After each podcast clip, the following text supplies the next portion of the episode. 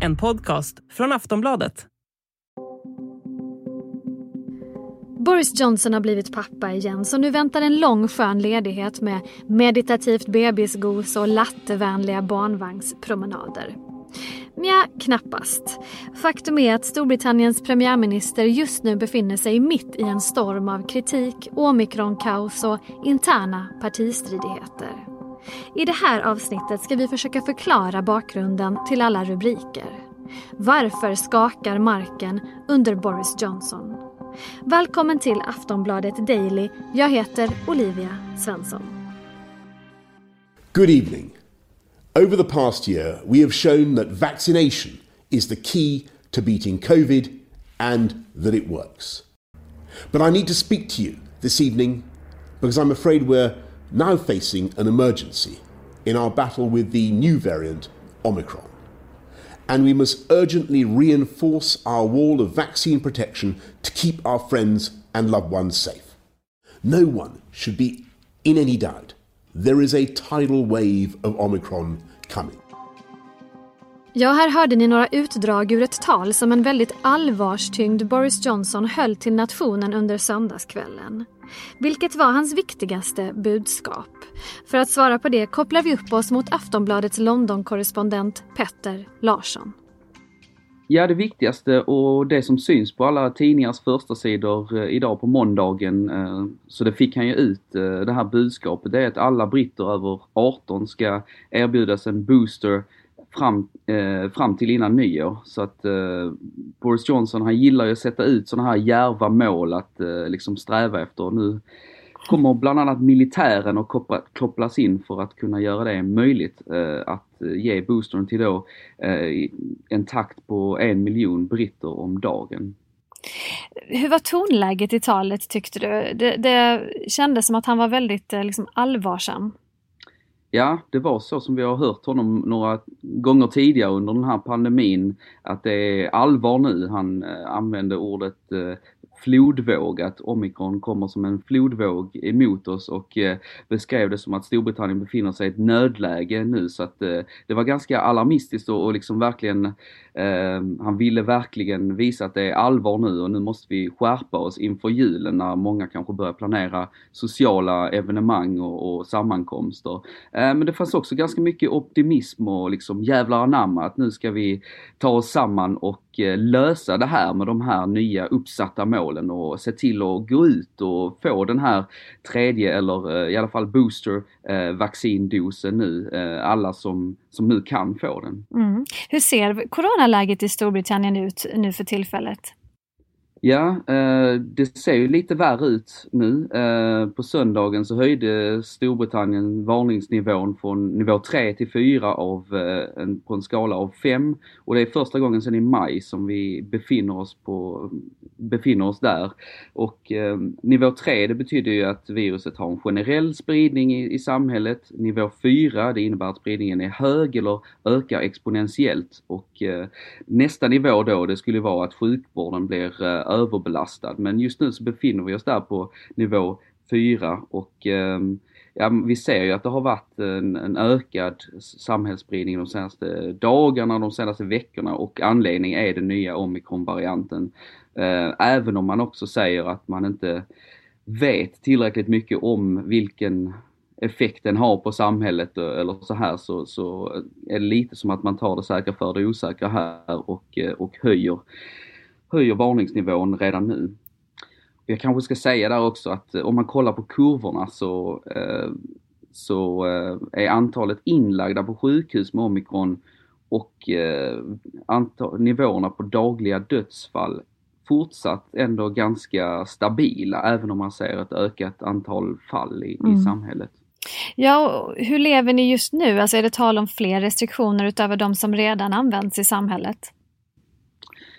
Ja, Storbritannien har precis gått över till vad regeringen kallar för plan B. Ehm, så från och med denna veckan så gäller det att man jobbar hemifrån i den mån man kan, att man måste visa covidpass vid nattklubbar, konserter och andra evenemang med mycket folk inomhus. Och att man även måste ha munskydd på sig i eh, bland annat teatrar, biografer men också i, i butiker och eh, i kollektivtrafiken. Så just nu så är det fokus på just de här nya restriktionerna på att alla vaccinerar sig. Men det har ju kommit upp frågor om, om huruvida det finns en plan C och eh, om det skulle kunna vara aktuellt att koppla in. Och eh, det är klart man från regeringshåll eh, erkänner att vi har eh, andra restriktioner redo ifall det här inte skulle fungera. Men eh, Boris Johnson han har gått ut och sagt att eh, just nu så finns det inga tankar på ytterligare restriktioner utan nu är det det här vi fokuserar på och, att vi ser till att försöka få så många som möjligt eh, vaccinerade med en boostervaccinering eh, innan nyår istället. Just det. Och på tal om Boris Johnson, han har ju precis blivit pappa för sjunde gången. Eh, men befinner sig framförallt kanske i hetluften på grund av flera olika anledningar. Senaste veckan har rapporteringen särskilt handlat om några julfester som ägde rum 2020. Kan du berätta vad det är som har kommit fram? Ja, det var en väldigt händelserik eh, vecka för mm -hmm, Boris Johnson. Det förra veckan och eh, sjunde gången eh, säger de flesta, men Daily Mail eh, bland annat la ju in en brasklapp där och skrev att han har blivit pappa för, till sin minst sjunde barn. Eh, för det är fortfarande faktiskt okänt hur många barn han har sen, sen tidigare. Det har varit okay. lite olika affärer och, eh, och som, så här som har som man tror har resulterat i barn. Och det är ganska speciellt att vi har en premiär, premiärminister i Storbritannien där, där just det numret inte är helt uh, solklart. Verkligen. Um, men han har i alla fall, han fick uh, ett barn uh, tillsammans med sin fru Carrie i, nu i, um, i fredags och då har han fått några, några dagar ledigt i alla fall. Men eh, innan dess så hade det stormat rejält eh, kring, eh, kring honom och kring regeringen och det var ju en julfest som, som misstänks ha ägt rum i, på premiärministerkontoret på 10 Downing Street Eh, Eh, den 18 december i fjol, bara några dagar efter att Boris Johnson gått ut och sagt till alla britter att eh, ni får inte fira jul med er familj och firmajulfesterna måste ställas in.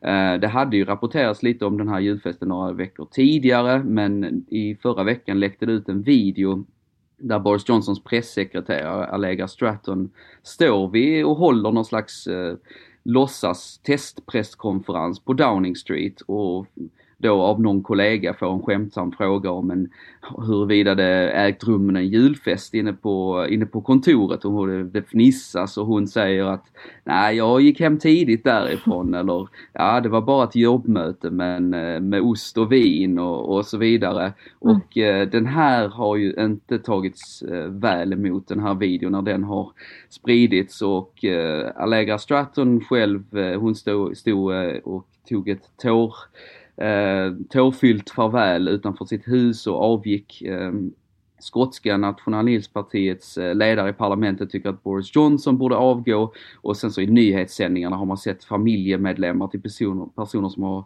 dött med covid-19 de här veckorna förra året berätta hur de kände när de såg premiärministerns kollegor stå och skämta om coronafester samtidigt. Mm. Eh, som skulle ha ägt rum samtidigt och det har ju kommit uppgifter om fler fester inne på 10 Downing Street och Boris Johnson har lovat att han ska utreda vad som ligger bakom det här. Han tyckte också att videon var chockerande och eh, utredningen täcker ju nu även flera andra, minst två andra tillställningar som de har hållit på i, eh, kring eh, premiärministerns kontor och residens i december i fjol. Boris han har ju sagt att han själv inte varit inblandad eller liksom medveten om några regelbrott eller några fester men i helgen kom ju också bilder på hur han den 15 december i fjol kör någon slags frågesportstävling i sitt kontor tillsammans med ett gäng kollegor.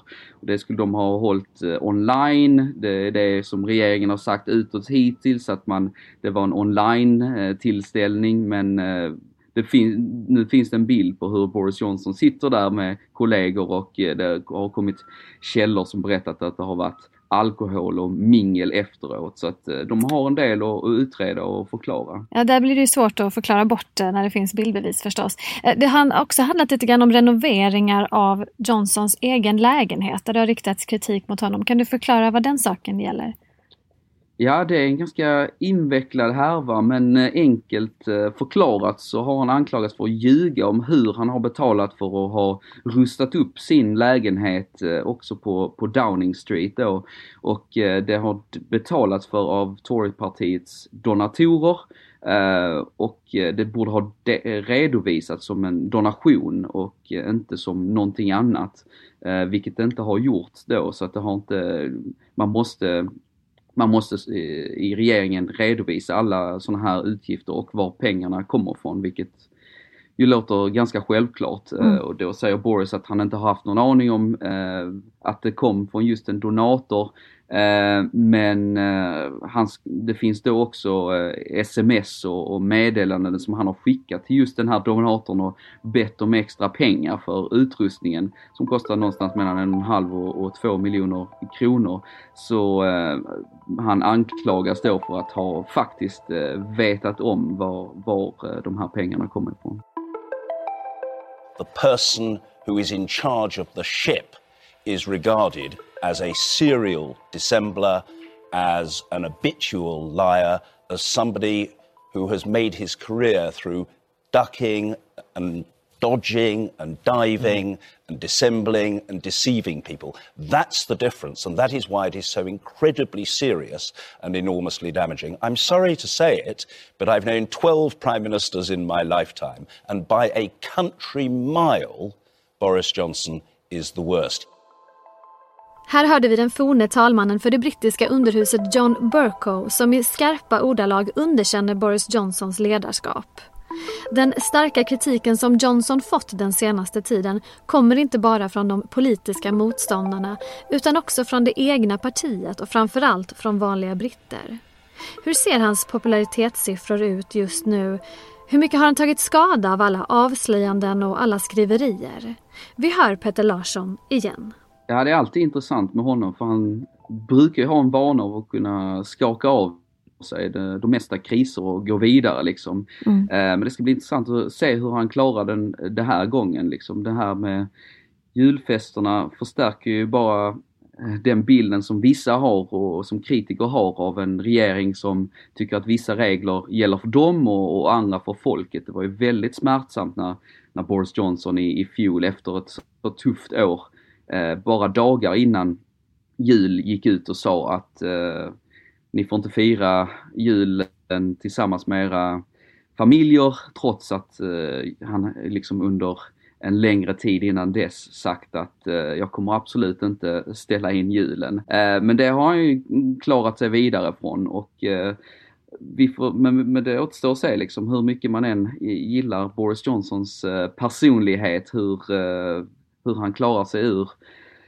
ur den här krisen. Eh, för visst pratas det om liksom huruvida hans trovärdighet skadas, eh, även om man, det känns som han har blivit lite avtrubbad och eh, mm. det hade varit intressant att se hur hans föregångare Theresa May, som inte alls hade den här eh, liksom älskvärda eller folkkära, eller vad man ska kalla det, eh, auran som Boris Johnson ändå har, hur hon hade stått sig i en, i en sån här eh, storm. Men det, det pratas eh, om att, eh, som du säger, att man inom det egna partiet inte bara är liksom kritisk till de här julfesterna och det här som är, går ganska emot liksom det konservativa partiets eh, inställning till pandemin eh, utan också att man är väldigt negativ till hans hantering av pandemin och att man vill nu att man nu ska hämma den, den hårt åtsatta ekonomin med, med nya restriktioner. Sist här hörde vi Petter Larsson, Aftonbladets London-korrespondent. Jag heter Olivia Svensson och du har lyssnat på ett avsnitt av Aftonbladet Daily, Sveriges största nyhetspodd. Och vi hörs snart igen. Hej då! Du har lyssnat på en podcast från Aftonbladet. Ansvarig utgivare är Lena K Samuelsson.